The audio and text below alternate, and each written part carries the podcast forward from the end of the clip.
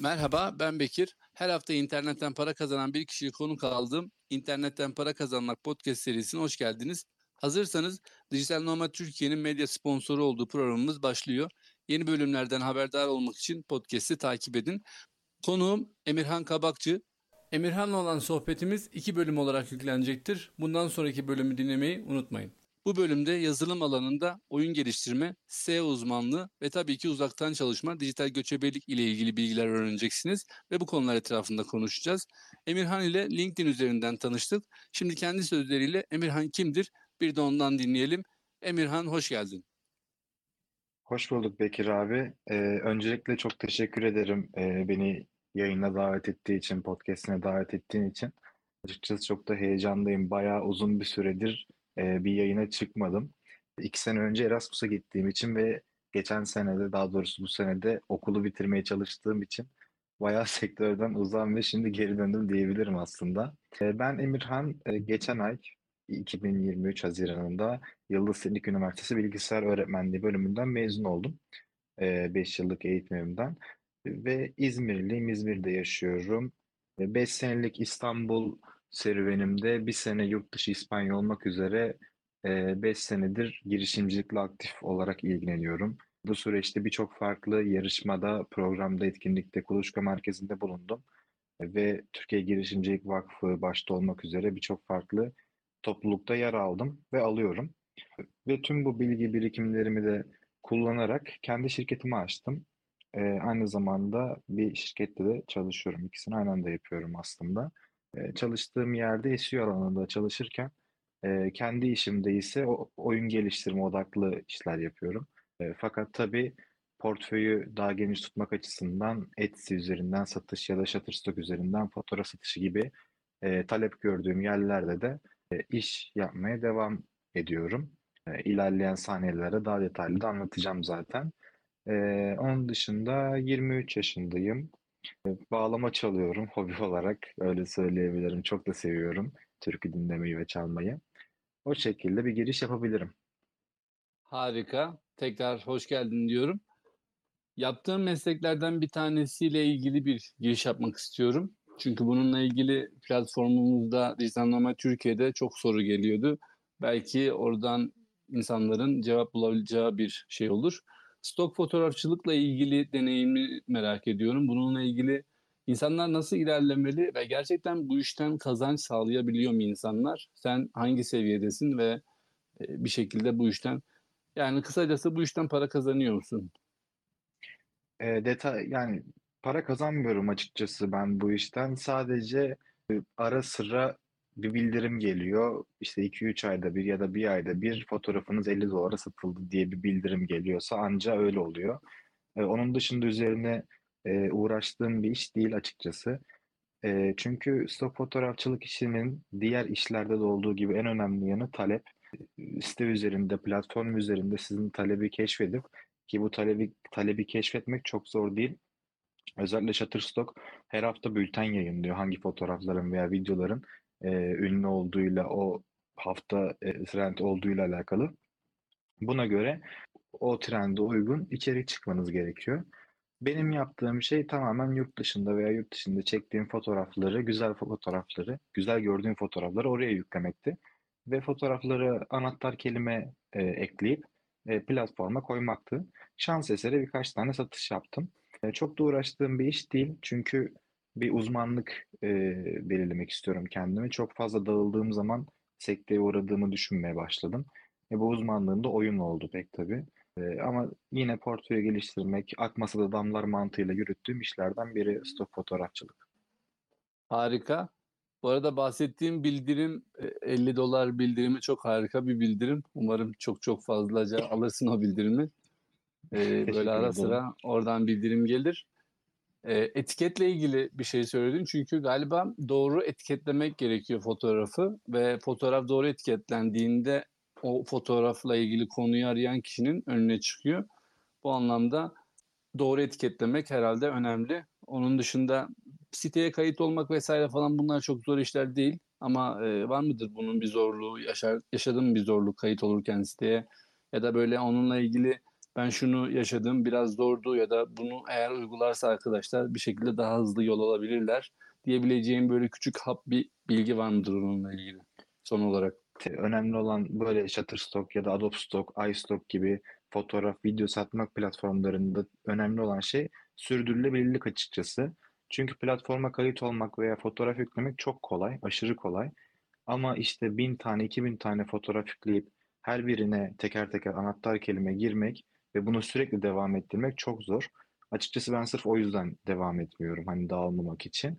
Ama bu işi ana işi yapıp e, sürekli olarak güncel anahtar kelimelere göre, güncel taleplere göre e, içerik yüklerseniz pek tabii kazanmanız normal olacaktır. Yani olası olacaktır.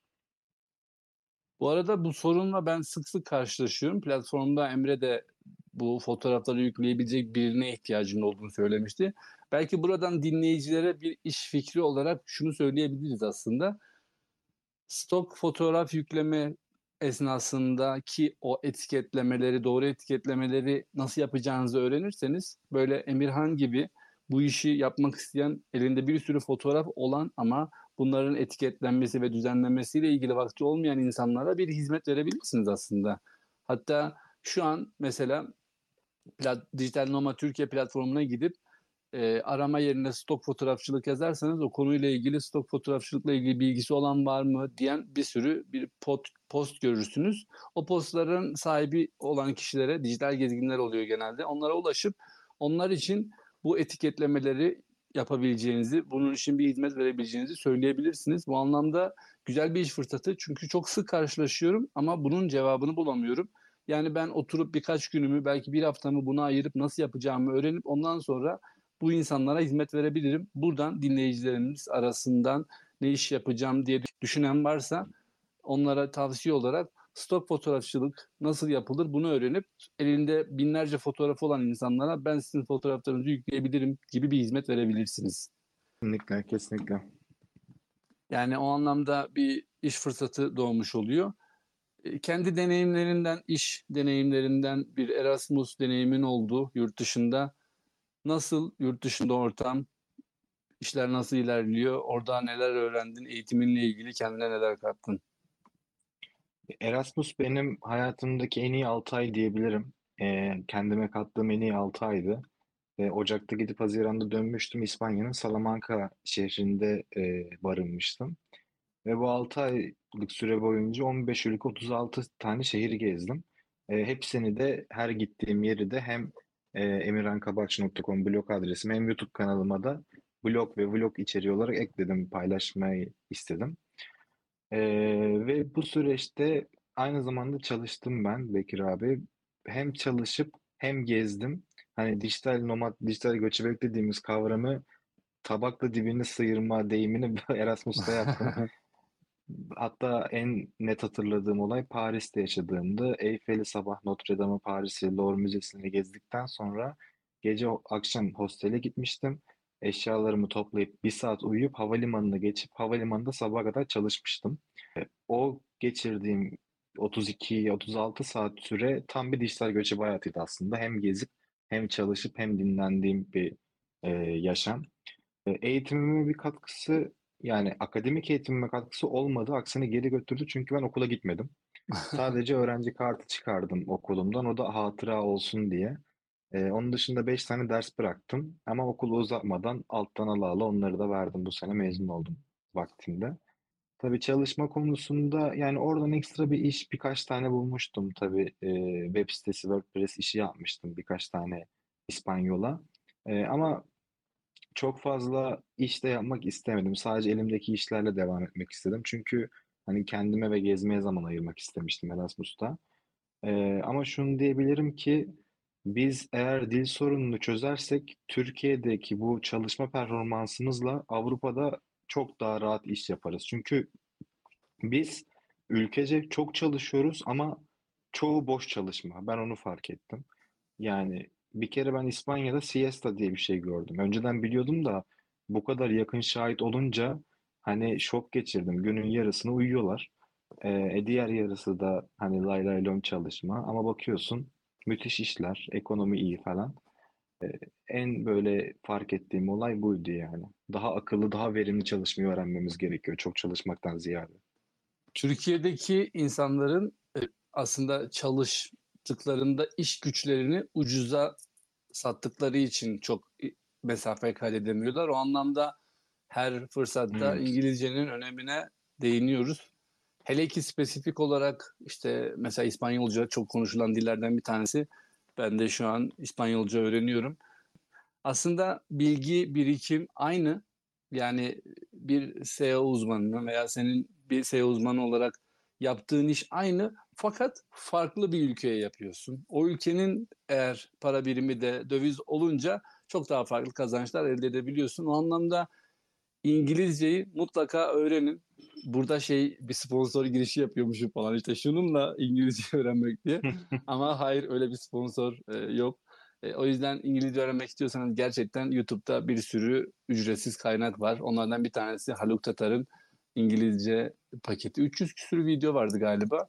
Bayağı açıp YouTube'dan yani bir sürü aslında şey var, eee, İngilizce öğrenebileceğiniz kaynak var. O anlamda mutlaka ve mutlaka eğer bilmiyorsanız İngilizcenin önemine bir kez daha ben ve Emirhan değinmiş olalım. Çünkü onun orada gördüğü, deneyimlediği aslında, eee, insanların çok böyle bizim Türkiye'deki gibi yoğun çalışmadan güzel standart hayatlara sahip oldukları hatta standardın üstünde hayatlara sahip olduğunu bire bir görmüş, deneyimlemiş. Eee, onu bize aktarıyor şimdi. O yüzden sen İngilizce biliyordun galiba. İspanyolca üzerine kattın mı yoksa direkt olarak İspanyollara İngilizce üzerinden mi hizmet verdin? Eee, no habla español Bekir. Yani, Sí, habla ç poquito çok español. yani temel kavramları öğrendim İspanyolcada işte, eee, ¿qué pasa, cómo estás, eee, işte bilmiyorum gibi şeyler. Ama çok da ihtiyacım olmadığı için o konfor alanından çıkıp İspanyolca öğrenmedim. Çünkü ben çok fazla Türk'le takılmadım. 2 tane arkadaşım vardı benim orada Türk olarak. Eee, ama onlarla da haftada 1 veya 2 görüşüyorduk. Ev arkadaşlarım falan hep benim yabancıydı. Onlar benim için İngilizce konuşuyordu. Eee, hani onlar İspanyolca biliyordu, ben bilmiyordum. Herhâlde işte bunun öğrenmesini mi bekleyeceğiz falan dediler bana. Benim için İngilizce konuşuyorlardı. E, markete gittiğimde zaten beden dili her şeyi anlatıyor. Elimle gösteriyorum, işte, eee, translate kullanıyorum falan. Öyle olayları çözüyorduk. O ünlü yerlerde işte Madrid, Paris, Brüksel, eee, Berlin'de falan zaten İngilizce konuşuluyor. Ondan çok aşamadım kendimi İspanyolcaya. Bir de çok hızlı konuşuyorlar, yetişemedim yani. Bu arada 2 tane Türk arkadaşım var dedin. Şuna değinmek istiyorum. Abi insanlar yurt dışına çıkıyor. Türk restoranına gidiyor. Türk arkadaşlar ediniyor. Türk ortamlara gidiyor. Ya Yanlış abi, çok yanlış o ya. Yani madem o ülkeye gittin, ya o ülkenin kültürünü öğren, o ülkeden arkadaşlar edin ya da ne bileyim hâlâ var mı böyle insanlar ama, eee, buradan tekrar böyle bir dillendirmek istiyorum. Eğer yurt dışına gidiyorsanız o ülkenin kültürü nedir? O ülkedeki insanlar ne yapar? Neyi yaşar? Nasıl bir hayat yaşarlar? Geçmişi nedir? Hazır oradayken onu deneyimleyin. Yani Christmas'ta gittik yılbaşında. Orada şey var böyle çok güzel bir tur vardı. Yürüyerek sizi böyle bir 1 saat veya işte 2 saat civarında bir tur yaptırıyorlar ve o ülkeyle ilgili bütün detayları aktarıyorlar. Eğer biraz araştırırsanız gittiğiniz ülkede o tarz böyle çok hatta ücretlendirme konusunda da galiba resmi olarak vergi vermedikleri için şey yapıyorlar. İşte işte siz ne kadar verirseniz o kadara kabulüz falan bir ücretlendirme yapmıyorlar. Bahşiş şeklinde çalışıyor. Öyle çok aman aman da bir ücreti olmayan, eee, turlara katılabilirsiniz. En azından o ülkeyle ilgili geçmişi öğrenirsiniz. O ülkenin bir şekilde geçmişte neler yaşadığını öğrenirsiniz. Bu anlamda İspanyolcayı öğrenmedim ama, eee, ben dün markete gittim tek başıma yumurta almaya. Eee, onu söylemeye çalışıyorum falan işte işte iyi günler, işte yumurta istiyorum falan. Gerçekten dediğin gibi iş bir noktada beden diliyle çözülüyor. Yumurtayı gördüğümde şey yaptım böyle yumurta, yumurta işte huevo yumurta, eee, işte para mí un kilo huevo por favor dedim falan öyle çözdüm işte. pardon bir hatırladım şimdi. Aynen. Restoranda falan da böyle işte buradayken kendim sipariş vermeye çalışıyorum. Eee, dediğin gibi beden diliyle çözdün. İngilizceni pratik yaptın büyük oranda oradaki 6 ay süresince.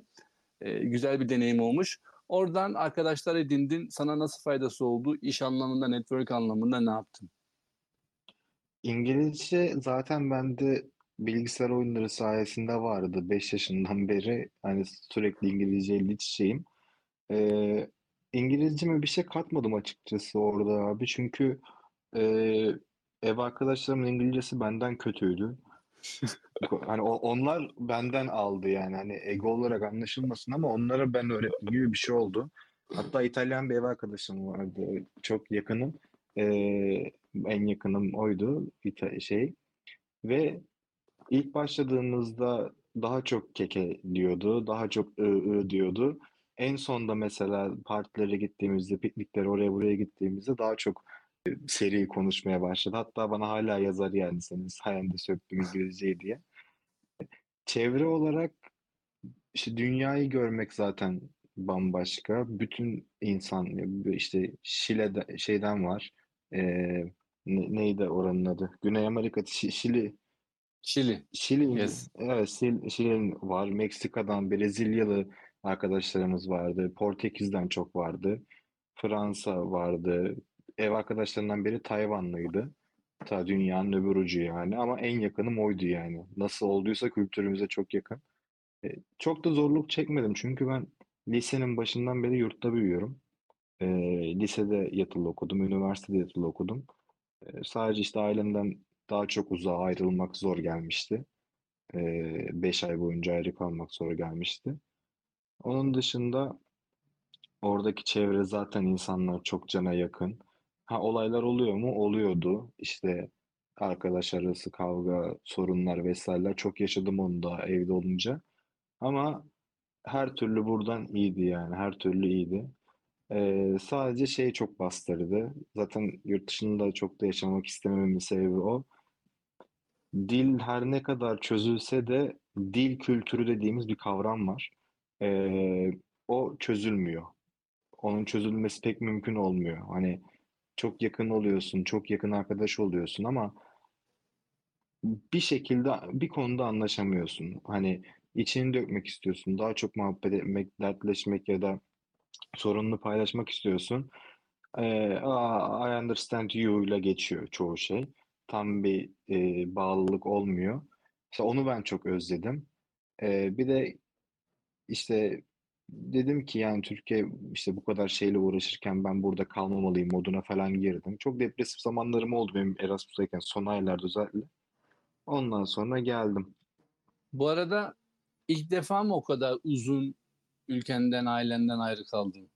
Ya belki aileden değil de çünkü yatılı okulda okudun. Onunla ilgili de birkaç soru sormak isterim. Çünkü yatılı okul deneyimin de senin hayatında böyle sana katkı sağlayan bir deneyim olduğu diye düşünüyorum.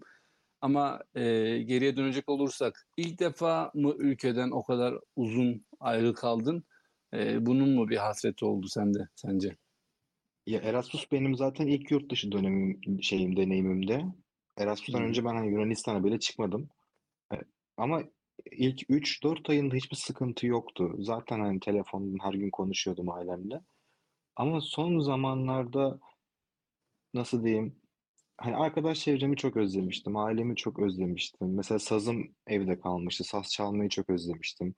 Oyun oynamayı çok özlemiştim. Bunun sebebi tabii normal klasik özlem de var da eee, bir de yorulmuştum abi Erasmus'ta. Çünkü hem geziyordum hem paylaşım yapıyordum hem çalışıyordum hem sosyalleşiyordum hem partiliyordum. Uyku uyumuyordum yani doğru düzgün.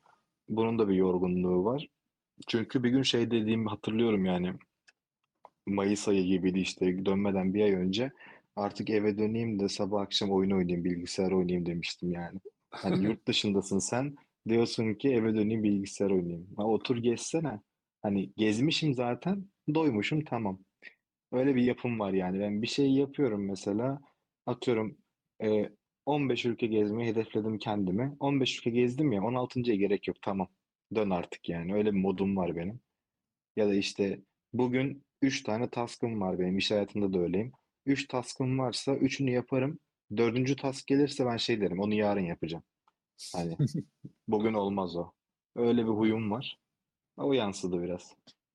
Biraz konfor alanı ile ilgili aslında şimdi yani ülkeden ayrı kalmakla ilgili olan kısımda ben 2010'da ilk defa yani Kıbrıs'ta bulunmuştum. bir seneyi geçkin şeyi hatırlıyorum böyle sonlara doğru dediğin gibi yani böyle bir süre varsa eğer yani 6 aysa işte 5. ve 6. ayı zor geçiyor böyle hani şey gibi böyle e, askerdeki böyle şafak sayma ile ilgili böyle hani her zaman sayılan günlerde sonlara yaklaştığında böyle daha böyle şey oluyor işte zaman geçmiyor falan bir tık böyle zor oluyor. Benim o deneyimimde son 1-2 ayım da çok efsane zor geçmişti. Çünkü şeyi hatırlıyorum artık kardeşimle işte kamer şeyden e, MSN'den konuşuyoruz görüntülü. Hangi platformda hatırlamıyorum ama böyle gözyaşım böyle pıtır pıtır akıyor böyle bir ağlıyorum. Çünkü özlemişim yani böyle e, insan harbiden özlüyor yani bir noktada böyle ailesini, sevdiklerini, ülkesini yani e, doğduğun toprakta kendi ülkende olmadığını bilmek veya buna alışmak gerçekten böyle çok çok kolay olmuyor. O yüzden buradan profesyonel dijital gezgin arkadaşlarıma selamlarımı iletiyorum. Bir sene vesaire falan hiç ülkeye dönmeyen ama insan bir noktada özlüyor böyle kendi e, insanların konuştuğu sohbeti, muhabbeti. Burada şey olmuştu işte geçen sene Meksika'ya geldiğimde e, Airbnb'de konaklıyorduk. Pencereden böyle kafamı uzattım dışarıya bakıyorum. İnsanlar İspanyolca sohbet ediyor, konuşuyor falan. Hani şey diyorum, beynim otomatik olarak Türkçe'ye çeviriyor. Hani diyorum ki ne olur hani şuradaki insanlar böyle Türkçe konuşuyor olsa hani Türkiye'de böyle sabah işte evinin penceresini açarsın dışarıdaki böyle işte e, seyyar satıcı vesaire falan birileri Türkçe konuşur ya. Onun verdiği his, huzur çok başka. O yüzden e, ülkemi özlüyorum. Buradan tekrar değinmek istiyorum. Lise deneyiminle ilgili e, konuşmak istiyorum.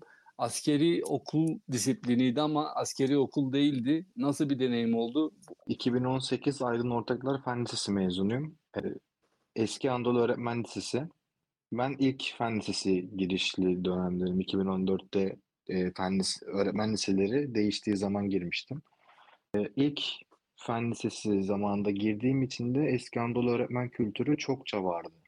E, hatta ilk girdiğim 9. sınıfta ilk senemde e, işte Vurmalı Çalgılar Festivalimiz vardı. E, müzik öğretmenimiz Ramazan Hoca buradan selam olsun ona da e, yeteneksizsinizi öğrenci göndermişti mesela. O derece etkinlik dolu bir okuldu yani. Sürekli bir şey yapılıyordu okulda.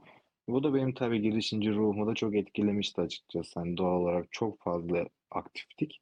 Askeri olayı şöyle, eski köy enstitüsü, ilk kö- kurulan köy enstitülerinden bizim okul. Belki de ilk onu tam hatırlamıyorum da 44'te kuruldu yanlış hatırlamıyorsam. Ve öyle olduğu için bir kere o Adabelen e, Derneği diye bir derneği var okulun ve köy enstitüsü mezunlarından eski öğretmen okulu mezunlarına, Anadolu öğretmen mezunları herkes oraya üye ve sürekli buluşmalar gerçekleşiyor. Buluşmalar gerçekleşince tabii o kültür okula yansıyor. Çünkü bizim okul kampüs gibiydi lise. Hala öyle ve çok fazla yerde, binada o köy ruhunu görebiliyorsunuz. Çünkü çoğu yer e, restorasyon hariç o, o kişiler tarafından yapılmış. E bu yapılan etkinliklerde, okul içi etkinliklerde falan da o kültürde de ambiyansta da bu yansıyordu. E bu da benim tabii o kültürün içine yetişmem de bana çok etki etti.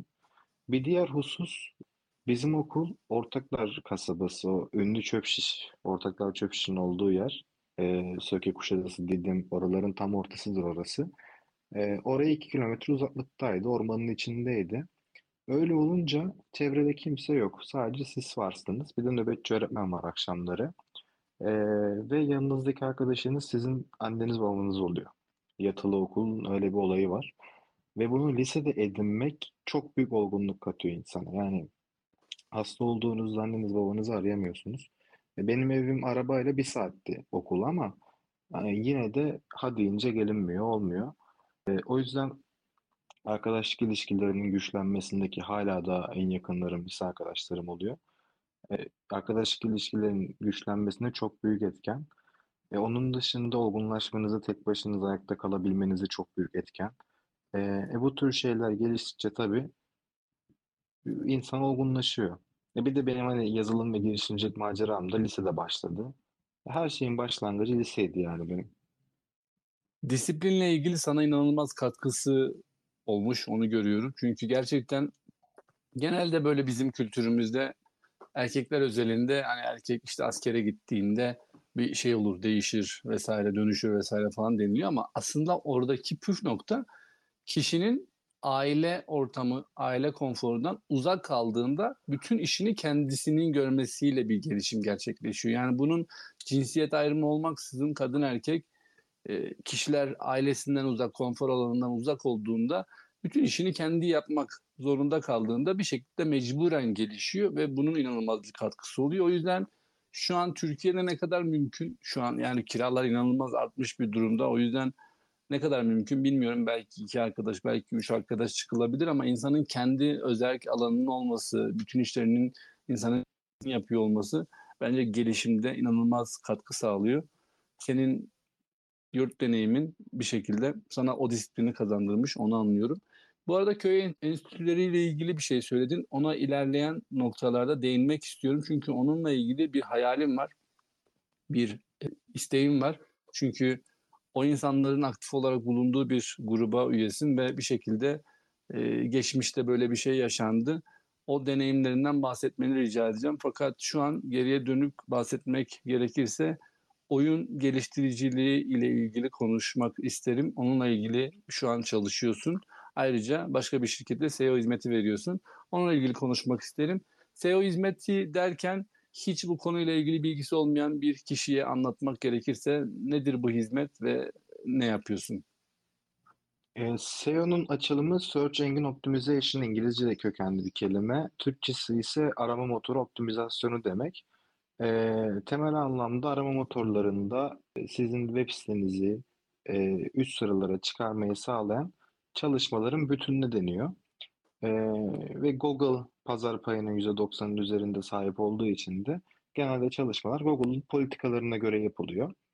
E, ve ben de bu çalışmayı yapan bir ajansta e, çalışıyorum. İki sene, iki buçuk sene oldu orada çalışalı. Hala devam ediyorum. Ama şu anda tabii dijital içeriğin çok çok çok fazla yükselmesiyle SEO kavramı Google'dan çıktı. Yavaş yavaş artık diğer platformlara da platform içi SEO olarak da devam ediyor. Ee, yani siz App Store içinde de SEO yapabiliyorsunuz. Etsy'de de, Shutterstock'ta da. Ee, yani içeriğinizi reklamsız, organik olarak istediğiniz hedef kitlenizdeki kullanıcının önüne çıkarmak özet olarak. Ee, bu şekilde tanımlayabilirim SEO'yu. Harika özetledin. Kısacası dediğin gibi onu arayan kişilerin önüne o içeriği çıkartmak Google'dan çıktı. Bayağı işte bütün YouTube ve bütün diğer platformlarda insanlar o konuyla ilgili bir şey aradığında o içeriğin önlerine çıkartılması noktasında inanılmaz katkı sağlıyor. E, gayet e, sade yalın, hiç bu konuda bilgisi olmayan birinin anlayacağı şekilde bahsettin. Harika, çok teşekkür ederim. Bu konuyla ilgili deneyimin de ortalama 3 yıla ulaşmış. Bu anlamda iyi bir seviyede olduğunu düşünüyorum. Oyun geliştiriciliği ile ilgili bir girişimin var. Bu konuyla ilgili ne yapıyorsun? Ya oyun sektörü benim göz bebeğim, ilk göz ağrım aslında. Çünkü 5 yaşında, 2005 yılında bana ilk bilgisayar alındığından beri sürekli olarak oyun dünyasının içerisindeyim. ve bu da bana çok büyük bir bilgi birikimi sağladı. oyunları oynarken çünkü ister istemez yapısıyla da, algoritmasıyla da alakalı oluyorum. E, bu da tabii bir oyun nasıl yapıldığında bana alttan alttan mesaj veriyor. E, 2015-16 yıllarına geldiğimizde 2000 doğumlu olduğum için yaş hesaplaması kolay oluyor. 15-16 yaşındaydım. E, ve o sıralar e, 10. veya 11. sınıftayken oynayacak oyun bulamamıştım. E, yani oynam bir oyun oynamak istiyorum ama artık piyasadaki oyunlar içimi açmıyor. O yüzden ben kendi oyunumu yapmak istedim. O zamanlarda e, yazılımla girişimcilik çok iç içe gözüküyordu. Çünkü e, özellikle Instagram'daydı bu. Instagram'ın keşfetine girdiğinizde yazılımla alakalı bir sayfa gördüğünüzde altında bir girişimcilik KOBİ desteğiyle alakalı reklam görüyordunuz. Çünkü hani yazılım nispeten iş kurmayla alakalı biraz daha sermayesiz, daha rahat olduğu için diğer sektörlere göre o zamanlar bir furya başlamıştı 15-16 senelerinde. Ee, öyle olunca benim de ilgim girişimciliğe başladı. Ee, ve sonra az sonra değinirim bu konulara. Tabii YGA zirvesine katılmamla iyice e, girişimcilik maceram başladı. E, oyun sektörüne geri dönecek olursam 3 tane oyun geliştirdim ben. Ve bu 3 oyunla bir de okuluma mobil uygulama geliştirmiştim. Yatılı okul olduğu için yemekhane ve nöbetçi öğretmen listelerine vesaire duyuruları paylaştığım bir uygulamaydı. Hepsi Android'eydi. Bunları paylaşınca, yazılımını yapınca baktım reklam konulabiliyor. Reklam koydum. Google AdSense onayı almıştım Fransa'dan. Bir baktım para kazanıyorum. Harbi para geliyor yani. Hani o zamanın parasıyla da aylık 200 lira falan geliyordu. Dedim ki bu iş güzelmiş. Bir de hani 15-16 yaşında bir çocuk yani. Böyle para kazanınca bir şey oluyor. O günden sonra başladı. Sonra bayağı bir süre yani yaklaşık 7 yıl kadar bir süre bugüne kadar ben ara verdim oyun geliştirmeye. Eee, çünkü üniversitede başka şeyler deneyimlemek istedim.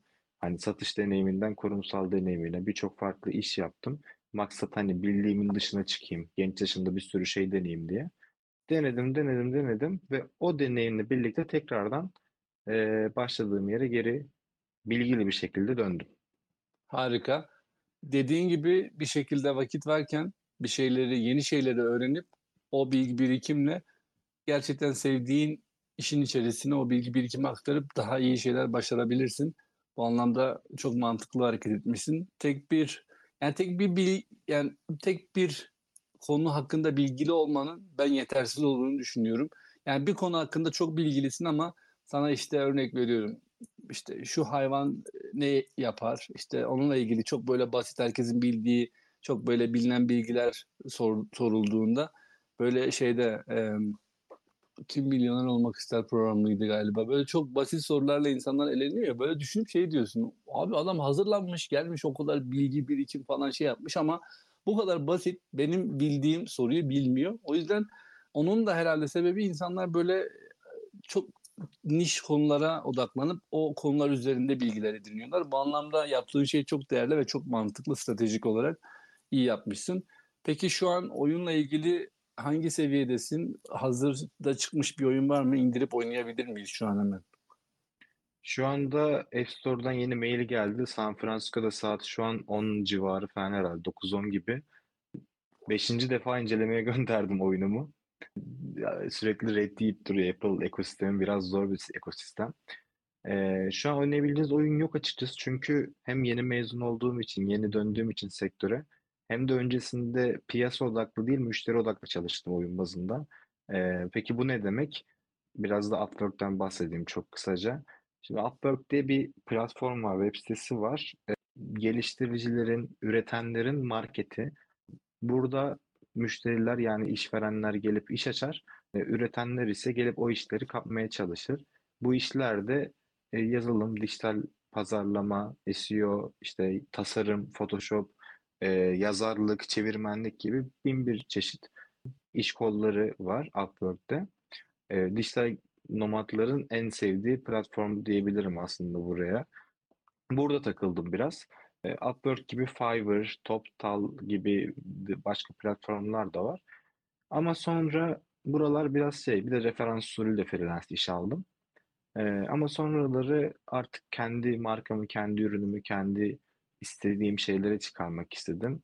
Bir evren oluşturmak istiyorum açıkçası oyunda. Yani 4-5 tane oyun üretiyorum ama bunların hepsinin hikayesi birbirine bağlı. İşte bir oyunda geçen maskot diğerinde işte subliminal olarak falan verilecek mesela böyle gizli saklı bir e, evren. E, şu an ona çalışıyorum. Dediğim gibi bir tanesi Apple'da 5. reddini yedi. Onaya tekrar gönderdim düzeltip. Bu arada Apple'la ilgili 5. reddini yedi dedin. Bununla ilgili Türkiye'de Türk bir girişimcinin yaptığı bir uygulama var. Deniz Dündar. Bilmiyorum biliyor musun? Wo Screen diye. Ona değinmek isterim çünkü burada senin 5. red yiyişin fakat orada inanılmaz bir olay yaşanıyor.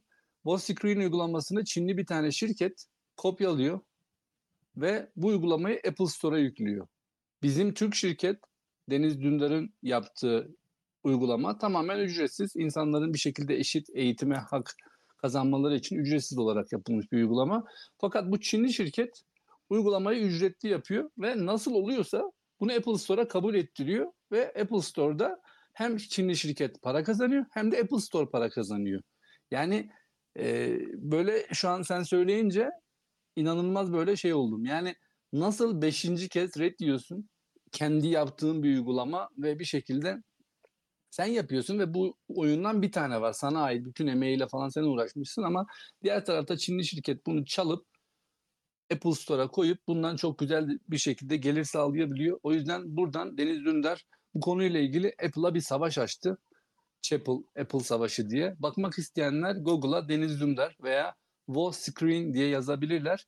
Buradan onun bu yürüttüğü davaya destek olmak istiyorum. Çünkü böyle büyük şirketler insanları ya da işte bizim gibi normal bireysel insanları çok küçük görebiliyorlar ve haklarımızı yiyebiliyorlar. O yüzden buradan e, bu davaya hak vermek isteyen ya da destek vermek isteyen insanlar Google'a Deniz Dündar, Wall Screen yazabilirler veya Apple, Chapel yazabilirler.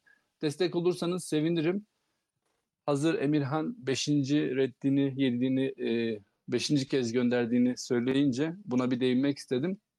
Çok böyle e, ince eleyip sık dokuyorlar ama yeri geldiğinde çok kolay bir şekilde Türk bir şirketin de hakkını yiyebiliyorlar. Bu anlamda ona da değinmiş olayım.